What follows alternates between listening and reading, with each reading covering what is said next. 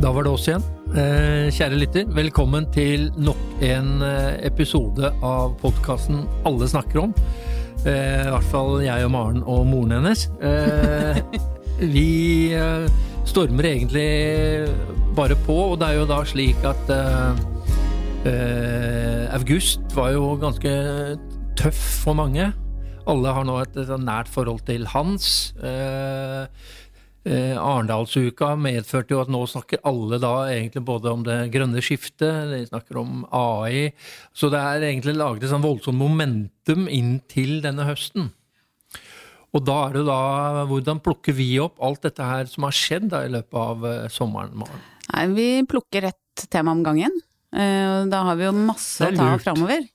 Eh, Det er litt lurt, men det kan jo bli litt blanding òg. Men eh, det vi da skal eh, snakke om i dag, det er jo da en slags si, spin-off fra Hans. Fordi med høstens ekstremvær så og flomsituasjonen, så fikk vi jo i hvert fall kjenne og se at det å håndtere store mengder vann, det er ikke noe vi bare skal tenke på som en sånn hypotetisk, det må vi planlegge for. Eh, Og så er det jo kanskje man kjente mer på det i distriktene enn i byen. Men likevel eh, ser man jo at det å planlegge for eh, å håndtere eh, disse vannmengdene er ekstremt viktig. Ikke bare et sånn teknisk krav i en plansak. Eh, og eh, hvordan, man da kan, hvordan kan vi gjøre det eh, bedre, eh, mer robust, eh, og ikke minst hvordan kan det utfor gjøres som en integrert og estetisk god del av byutviklingen? Det er fint, men påstanden din er da egentlig at alle bør flytte til byen fordi vi håndterer overvann bedre enn i distriktene. Ja, det kan du jo legge mellom linjene. Da må Fint. vi også fortette mer. Det kan være en annen podkast. Eh, fint. For å diskutere denne tematikken her, så har vi da to overvannseksperter fra våre eh, rådgivende ingeniør-gigantselskaper, som alltid da får de feteste rammeavtalene. Eh, Even Bakken, Nordkonsult. Katrine Onja Strøm, Asplan Via. Ja, takk for introduksjonen. Ja, var ikke den fin? Setter standarden, det er veldig bra. Men starte med deg, Even, fordi du er jo en gammel eh, Asplin Ramm-prisvinner, altså du er litt sånn eh, superstjerne. Men du reagerte på en episode vi hadde om park. Husker du det? Sånn, kan du da bare ta ti sekunder rant om hva vi gjorde feil i den episoden? Ja, jeg syns jo det er litt småfrekt. Heldigvis i dag så er jeg med meg en populær ekspresident i NLA, i Norske Landskapsarkitekters Forening, så vi kan begge snakke varmt for det norske landskapsarkitektmiljøet. Men eh, jeg tenker jo kanskje det at neste gang hvor vi skal kritisere norsk landskapsarkitektur for å være litt kjedelig og litt eh, bak danskene, så må vi ha med norsk landskapsarkitektur. Så det var vel egentlig det. Men nå har vi jo muligheten, nå har vi to norske landskapsarkitekter til å da vise litt og fortelle litt om hva vi holder på med, og det tror jeg kan bli veldig bra. Ok, jeg Du skulle bare ha den korte ranten, men det var fordi det ikke var noen landskapsarkitekter i denne episoden, når vi snakker om parker. Det er da skoen trykker. Er Ikke, ikke norske landskapsarkitekter. Vi hadde jo landskapsarkitekter med. Ja, de må være norske. Ja, det er det. det, det ok. Ja, vi kan jo tolke det bare som at uh, podkasten er så populær at folk gjerne vil være med, og føler seg forbigått når de ikke er der. Ja, det kan du godt si. Som eh, engasjert fagperson Ja. så syns jeg det er gøy Ja. å følge dere. Ja. Ok, Uh, jeg tror vi bare kan ta, bli enige om noen premisser, at det blir mer vær framover. Eh, det blir mer overvann. Eh, veldig mye av den overvannsdebatten tror jeg startet var det 2011 eller 2014, hvor København holdt på å drukne. Og hvor man da begynte å gjøre om alle de harde flatene til mykere flater som absorberer. Men eh, hva tenker du, altså, hva, gitt forutsetning at det blir stadig mer vær, eh, mer og villere nedbør, sant? er, er eh, Oslo, de norske byene, rigga for å håndtere det? Jeg ville kanskje si nei, men det viktigste er vel kanskje at by og land jobber hånd i hånd. Altså Mye av det som skjer oppe i dalene, oppe i de mindre tettbygde strøkene, får jo konsekvenser ved elvemunningene, der mye av de store, større byene ligger. Så jeg tenker at eh, jeg er jo en rådgiver innenfor landskapsarkitektur, akkurat som Katrine, og vi jobber jo da tverrfaglig med å løse disse utfordringene både gjennom infrastrukturprosjekter og kanskje tradisjonelt prosjekter hvor landskapsarkitekturen ikke har fått så stor rolle, men hvor vi merker at dette med klimaendringene gjør at vi får en mye mer sentral rolle også i de prosjektene utenfor byene.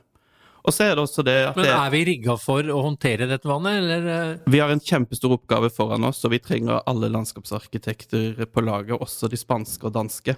Så jeg tenker at, eh, jeg tenker at eh, det kommer til å bli masse jobb for oss framover. Og akkurat nå nylig så eh, vant vi en oppgave med å åpne VM-bekken i Fredrikstad, som har gjort veldig mye bra for byutvikling. Og da er det sånn at vannet går fra å være en del av teknisk infrastruktur i bakken, til å da gå i dagen og bli en opplevelsesverdi og få en kvalitet, samt at den får styrka kapasitet. Så det tenker jeg er veldig bra. Men også til deg, eh, Katrine Strøm, fordi eh, vann er jo på mange måter eh, livgivende. Altså, vi elsker vann, eh, vi må ha vann. Er det mulig å snu på dette problematikken, slik at da stadig mer vær og mer vann egentlig kan da bli et pluss i byutviklingen? Ja, det Er er det mulig mulig å vri det? Er det mulig å vri det? Vi må se klimaendringene og samfunnsendringene sammen. For én ting er jo at vi får mer ekstremt regn, men en annen ting er jo at vi bygger mer og mer. Og dette blir jo en dobbel effekt som gjør at eh, skadene blir større. Eh, det er jo bare 11% av Norge som er villmarkspreget natur. Så vi har bygd ned hele, nesten, hele landet. Så vi må se det i sammenheng. Men kan vi gjøre at det blir bra? Ja, det kan vi. Fordi vi kan få byene til å fungere som økosystemer. Eh, og den overvannshåndteringa som eh, er gjort en del steder, det er jo basert på økosystemenes prinsipper. Vi bruker naturens teknologi og naturens prosesser til å reparere noen av de skadene som utbygging eh, fører til. Men det å få en by til å fungere som et økosystem, det er jo, det er jo ikke så lett som det høres ut som. Og det krever eh, kompetanse og fokus. Men det høres veldig svært og uhåndterlig ut. av Byen som et eh, økosystem. Altså eh, Kan man oversette det mm, til godt norsk? Altså, er det sånn fjerne alle harde flatene som man bare renner, til myke flater? Altså mindre asfalt, mer gress, mer trær, mer vegetasjon som absorberer vann? Ja, altså man må ha mer mikroorganismer, kan man jo si. For det er jo de som gjør veldig mye av jobben. Og de finnes i jord, og de finnes i vegetasjon. Og det mikroorganismene gjør, er at de er, regulerer et økosystem, er selvregulerende. Så det blir jo ikke flom, fordi at eh, hvis det er for mye vann, så blir det mer kapasitet til å ta imot vannet. Og det finnes jo, for å dra det videre, så kan man jo bruke mikroorganismer til å spise plastikk og ødelegge oljesøl. eh, Eller altså redusere oljesølet. Um, Men vi må ha nok kompetanse om hvordan naturens prosesser virker, sånn at vi kan legge til rette for at eh, alt det smarte naturen kan, eh, at vi kan benytte oss av det, også i byene. Ja, men nå høres det bare litt ut som eh, Nå ble jeg litt sånn engstelig. Du vil ha mindre by og mer natur. Altså, altså er, er, menneske, er det mennesket som er problemet her? Nei, men hvis vi skal ta, Det er mange temaer her, men hvis vi skal ta dette med vann, så tenker jeg også at eh, vi må gå fra å ta vann som en utfordring til å faktisk bruke det som en ressurs. Og nå nylig jobba jeg med et boligprosjekt, et transformasjonsprosjekt med et bygg fra 60-tallet, hvor det var i kjelleren var en mekanikergrav. Eh, Da var det sånn at vi som landskapsarkitekter var så frekke at vi blanda oss inn i bygget og foreslo da til å legge inn en vanntank, hvor da det vannet som gikk fra taknedløp gjennom bygget, ble brukt til å vanne planter og trær i baker og takhager, i tillegg til å vaske sykler. Og jeg tenker at eh, vi som landskapsarkitekter skal også tørre å ta mer plass i byggeprosjektene og blande oss litt inn i bygget. Og Vi ser jo også eksempler på at landskapsarkitekter bruker bygningsrester og bygningsmaterialer fra bygget og plasserer det ut, og på den måten bygger opp om eh, natur. Ja, Jeg tenker at det, er jo, det er jo litt av nøkkelen at man må se eh, landskapsarkitektkompetanse og arkitektur altså litt under ett. Eh, og det blir jo i en tett by, hvis man skal eh, bygge tett, så må man også ha, tenke på landskapet på takene. Eh, hvordan er eh, jorddybden? Hvordan utformer man unn- altså kjellerne? Eller skal man bare droppe et prosjekt nå, så har vi bare droppet kjeller, fordi det gjør det lettere å håndtere overvannet. Så det er jo en sånn sammenheng her. Og så handler det litt om, igjen da man kommer på krav, så det, stilles det jo krav til f.eks. Hvor, eh, hvordan man skal utforme takene. Men så får man da en begrenset høyde som gjør at det er vanskelig å gjennomføre det. Så det er, det er mange ting som både på sånn uh, regelverksnivå uh, og i planleggingen uh, som man må ivareta. Så jeg er helt enig i det at landskapsarkitektene godt kan blande seg litt mer tidlig. Kan vi bare hoppe tilbake til det med menneskene, om de er problemet? Fordi mennesker, vi er jo biofile, som amerikanerne kaller det. Vi elsker det som lever. Og vi trenger planter og natur og dyr, kanskje, rundt oss for å være lykkelige. Og det er et problem nå med at mennesker i byen er ulykkelige og ensomme. Så jeg tror at det å få mer natur og mer grønt inn i byen, det bidrar jo ikke bare til å løse tekniske problemer som overvann, men det kan også bidra til at vi får det bedre som mennesker som bor i byen. Helt enig med Katrine der, og der ser vi jo også på den eh, lille regnbedet som er lagt på Tore Meyers gate, så ser vi det at den lokale barnehagen drar til det regnbedet og ser vannet fosser igjennom, og det blir en del av opplevelsen og turen til barnehagen den dagen. Så man bruker da regnbed f.eks. også som en opplevelsesverdi. Og dette med at grønne omgivelser påvirker psyken, det er noe som det nå forskes på på NBU, hvilken påvirkning det har for oss. Så det, Men, men da er jo også noe, på, noe helt konkret. altså Når du går, går eh, i gata, så ser du da stadig ofte disse regnbedene. Mm.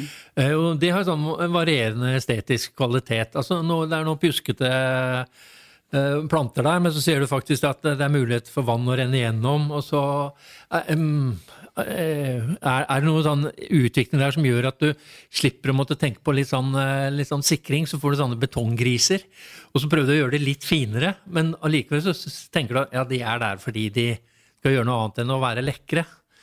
Eh, og så er disse regnbedene som eh, Må de være så ugly? Nå var du, du kalte de pjuskete og ugly, jeg har jo hørt landskapsarkitekter som sier at de er heslige og stygge. Um, og det er jo veldig Ja, da er vi litt på Er- lag, føler jeg. Men, Eh, ja.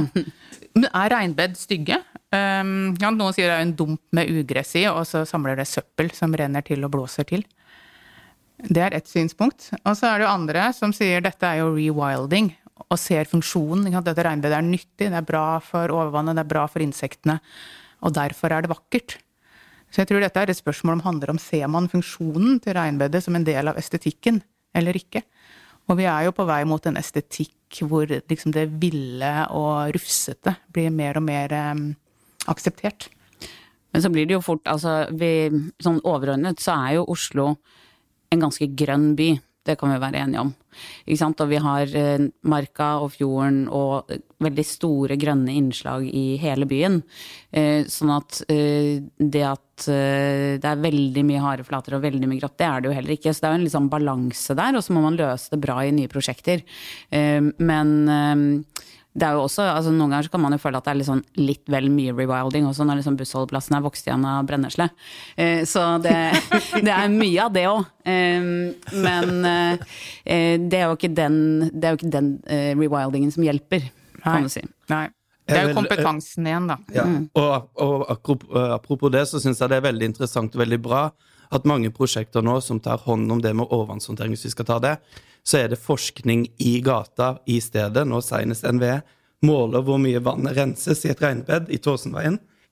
Og man har også eksempler hvor det forskes på hvilke planter som fungerer f.eks. i Bjørnstjerne Bjørnsons gate i Drammen. Og eh, det der er også med å få rensa vannet på veien ut i Akerselva, da, hvis vi skal ta Oslo, så tenker jeg at eh, nå har vi et prosjekt eh, hvor vi prøver å få ulike etater i Oslo kommune til å gå sammen om å prøve å finne metoder for å rense vannet på en svei, så det ikke bare renner gjennom regnbedet og ut i Akerselva, men at vi fanger forurensning og også næringsstoffer. For det er jo en utfordring i dag at med å åpne bekker og åpne alle disse løsningene, så er det mye næringsstoffer som faktisk havner i fjorden vår. Så det er en stor oppgave for oss som vi må jobbe med. Og der er jo naturen så fantastisk igjen. For jord, eh, den driver jo og renser jo, med hjelp av partikler og mikroorganismer så kan den rense alt av ulumskheter som finnes i overvannet. Helt gratis, helt enkelt, bare liksom man får det til til å renne gjennom på den riktige måten. Sånn at eh, vi i byggebransjen har veldig mye å hente på å bruke naturen på en smart måte. Naturen er jo mye mer kostnadseffektiv enn byggebransjen. Ja, jeg, føler, eh, jeg må lese meg opp på mikroorganismer jeg, nå. Jeg skjønner at det, det løser alt. Men for å gå tilbake til den tråden eh, med Hans og, og deg, Even. Du sa jo dette med at man tenker by, by og land hand i hand. Jeg, jeg er jo vant til å tenke by og land mann mot mann. Eh, men du, du har jo et veldig Politisk er den der by og land, han i han krevende. Ja, men, men at, at, at, at vannet fra distriktene Mm. Renner ut i havet der byene ligger. Og så, så det må være et sånn type sammenheng her, og, og det fikk man jo også vite eh, med Hans. Er det sånn, jo lenger ned du kom, jo flere sideelver bare skapte litt sånn momentum, så til slutt så kom da flodbølgen ned ved byen, da, enten det var Drammen eller eh, Men hvordan eh, håndterer man det? På, på mange forskjellige måter. Man eh, Kan vi også stille krav til bygda, da? Ja, og det tenker jeg at det gjør. Man har jo eksempler f.eks. med Trysil, som satser veldig på sentrumsutvikling. Der måtte de bygge en flomvoll rundt hele det tettstedet sitt pga. Trysilelva. Og da ble vi arkitekter, landskapsarkitekter da involvert seinere tid med å eh, da aktivisere denne flomvollen og skape en sosial arena nede ved elva. Og hele tiden så er det jo dette med klimatilpassing og sikkerhetstiltak sammen med byutvikling, og hvordan man kan spille hverandre gode. Og da var det eh, aktivitet for ungdom som ble løsningen på å aktivisere den flomvollen, som egentlig var en veldig teknisk installasjon. Og vi, ja. Men er det noe, altså eh, tenk litt sånn planleggingsmessig, da, man må jo se det i en mye større kontekst. ikke sant? Kommuneplankartet for Oslo viser elvene som renner fra, altså ned til fjorden, men det er jo ikke noe utenfor kommunegrensene. Så hvordan planlegger man dette i en større kontekst, og Jo. lager de avhengighetene? Marka, i Oslomarka, er jo dren, myrene er jo drenert. Og så er det blant annet gran. Det er jo en 70 år gammel politikk fra skog, skogsdrifta. Det er jo å drenere myrer og plante gran. Og da fjerner de jo naturlige svamper i, eh, som da det fantes masse av i Norge tidligere. Sånn at eh, det, de kravene til bygda, det må jo være å slutte å subsidiere drenering av myrer og plante gran i myra. Og i Oslo så har vi jo eksempler på at man har reetablert myrer, bl.a. i um, Solheimskogen. Kjempespennende prosjekt. Og det fins jo også flere kommuner som har begynt å restaurere myrer. Og da blir det jo mindre flom ved utløpet. Men trenger man en, eller finnes det en helhetlig strategi for hvordan man håndterer det, eller er det enkelttilfeller hvor dere blir koblet på som landskapsarkitekter i ett, et eh, tettsted, og så løser man det der, men hvordan blir totaliteten, da? Det er jo kanskje det man også har sett nå med, med den flommen som liksom beveget seg nedover. Dette blir jo et tett samarbeid. Veldig ofte så trekker vi inn hydrologer. og de, ser jo, de ser jo ikke innenfor eiendomsgrensene, men de ser jo det lange bildet. Hvor kommer disse nedbørsmengdene fra, og hvordan påvirker de da nedover i landskapet. Og Det er jo nettopp det som er viktig med disse tingene også. Det er jo det å ha det tverrfaglige blikket og ha gode relasjoner til disse fagpersonene som kan dette. Og veldig ofte så har jo vi landskapsarkitekter en liten rolle, men jeg opplever også i den jobben jeg har, at jeg får økt innsikt gjennom disse f.eks. hydrologer og andre som sitter på en enorm kunnskapsdata på disse konsekvensene og regner f.eks. på tusenårsflom. Ja, for det er jo det tverrfaglige som er nøkkelen her. Altså man må samarbeide med mange forskjellige fag, med overvannsingeniører, hydrologer, og de? Og hvis man tenker i det store skalaen, så er det også de som driver med naturforvaltning. Og det er jo et annet direktorat enn det direktoratet som styrer oss. Så på det høyeste politiske nivået så jobber jo disse direktoratene mot hverandre. Så det er behov for koordinering liksom, i både i alle nivåer av forvaltningen her. Så det er en ganske stor stor jobb. premiss- Premissgivere, når vi skulle da tegne og designe Nedre Foss bypark, som ligger helt i vannkanten til Akerselva, så var det hydrologer som var premissgivere for hvilken kvote vi kunne legge de turveiene og parken på. Men hvis du skal tilbake på en litt sånn overordna problem, sier dere egentlig nå at eh, dette er liksom naturens hevn på den vestlige mennesket, som da har forsøkt å distansere seg fra naturen? Du vet at er- er- økosystemer er selvregulerende. Sånn at eh, det vil jo til slutt eh, utrydde oss plageåndene. Ja. Så det du sier, da, da naturen hevner seg, og til slutt går det så langt at det fjerner mennesket fra økosystemet. Det er jo ikke en hevn, det er jo en regulering. For å få det til å fungere bedre. Men, men så jeg hver gang du ser den der ugresset på bussholdeplassen, skal du bli litt redd, for det er eh, rewildingen kommer og tar deg. Men jeg husker, husker jeg snak, snakket med en uh, kinesisk landskapsarkitekt, fordi Der hadde jo den bevegelsen som heter Sponge Cities, altså en by nærmest som en svamp. Og han var sånn foraktfull på vestlige byer. Han, han sa da at de ligner litt på sånn forkrøplede japanske bansai-trær. At de er så kultiverte at de er ikke naturlige. Mens eh, den Sponge City er jo da bare Jo mer vann, jo større og vakrere blir jo den svampen eller soppen. Ja, du må passe deg, Erling Fossen, så ikke naturen kommer og tar deg. Og så vet jeg ikke helt om kinesisk byutvikling er det som eh, sånn generelt da, er et forbilde på Nei, men organisk utvikling. Det er jo det, noe av det du sier, Katrine. At uh, egentlig uh, myra Ja. som uh, drener, Eller myra som tar opp vann. Uh, og så Du må ta muligheter uh, i byen også for å kunne da ta Det- opp vannet. Ja, det som, ofte, det som ofte skjer, er jo når, hvis man ser på et enkeltprosjekt, så kan man helt fint peke på en del sånne grep som eh, kan være gjennomførbart. Men så blir det jo fort at da går det ut, langt utover din egen eiendom, og så det, drar det på seg liksom mye større konsekvenser hvis man faktisk skal løse det. For det er jo også en kjensgjerning at mange av de Altså det ligger jo eh, elver i rør overalt. Altså hvis vi tar eh, Akerselva og eh, og Nylandsbroen som et eksempel, så er det jo det er så mange ting som har vært gjort over så mange år, særlig infrastrukturmessig, at det krever liksom en større plan og en større omstilling. Eh, det er ikke bare det enkelte prosjektet som kan løse det. Man kan løse altså eh, blågrønn faktor på sin egen tomt, men likevel, den der sponge-tilnærmingen krever jo en mye større eh, et mye større grep ofte, da. Det er vel på tide at vi som landskapsarkitekter og bygningsarkitekter tar inn over oss at vi er en del av byggebransjen, og byggebransjen er en av de store eh, giverne til klimagassutslippene.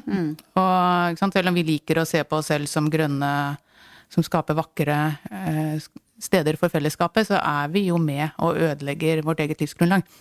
Og det må vi eh, ta på alvor. og og jeg føler at det er vårt ansvar å også gjøre politikerne og de eh, administrative nivåene oppmerksom på akkurat det du sier, at det må være en større helhet.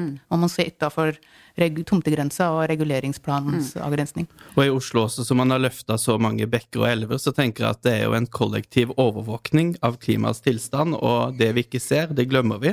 Men når vi får dette vannet opp i dagen, og vil berømme også de som eh, Elveforumet som har stått på for å få disse opp i dagen, det skaper en helt unik kvalitet, og det gjør at vi alle sammen også blir litt mer bevisste på disse klimaendringene, og vi ser faktisk når det flommer over, helt oppe på Hovin.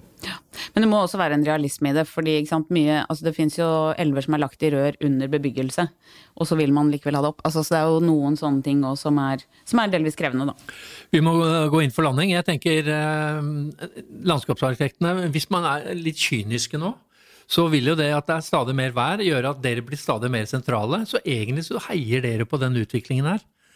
Eh, og så, som Katrine sier, er at sånn, dere har jo vært litt sånn idealister på siden. Og da sier man liksom ja, velkommen til eh, eiendomsbransjen, og skjønner du hvor kynisk den er. Og det er et sånn wake-up call også for dere, men da får vi se egentlig da om Det er ikke så kynisk, det er mer eh, kompleksiteten man kanskje får innblikk i. Når man som fagrådgiver også må gå inn i de praktiske Følte du deg litt tråkka på Ja, litt. Ja. Jeg måtte bare presisere det. Ja, det, var, det var egentlig meningen, men Føler det er en sånn do, dobbel wake-up call Ja, for ja. Og så tror jeg at uh, hvis vi skal liksom, løfte blikket helt på slutten, tenker jeg at uh, når du sier by og land, kanskje man kan tenke at uh, det er noe da en by og land-regjering burde gjøre noe med. Øh, at man faktisk får til en strategi for hvordan dette helhetlige overvannshåndteringen skal fungere. At ikke det havner hos den enkelte eiendomsutvikler som er liksom i siste ende av utviklingen, som skal løse alle disse tingene, men ha en overordnet plan. Og hvis du får til det, så kan vi også redde Oslofjordens økologiske kollaps. Det er win-win. Hurra. Dermed er eh, siste ord sagt, eh, Maren. Takk for at dere kom. Even Bakken, Katrine Strøm. Eh, vi går videre. Du som lytter må også gå videre, og nå må du da egentlig tenke litt om vi har gjort alt feil med byene våre, og så må du tenke også da nå er det på tide at byen slår tilbake og begynner å stille krav til distriktene. Det er de som er årsaken til problemet vårt. Eh, no comments for øvrig fra dere, men tusen takk for at du hørte på, og velkommen tilbake. Vi er eh, straks tilbake. Takk for i dag.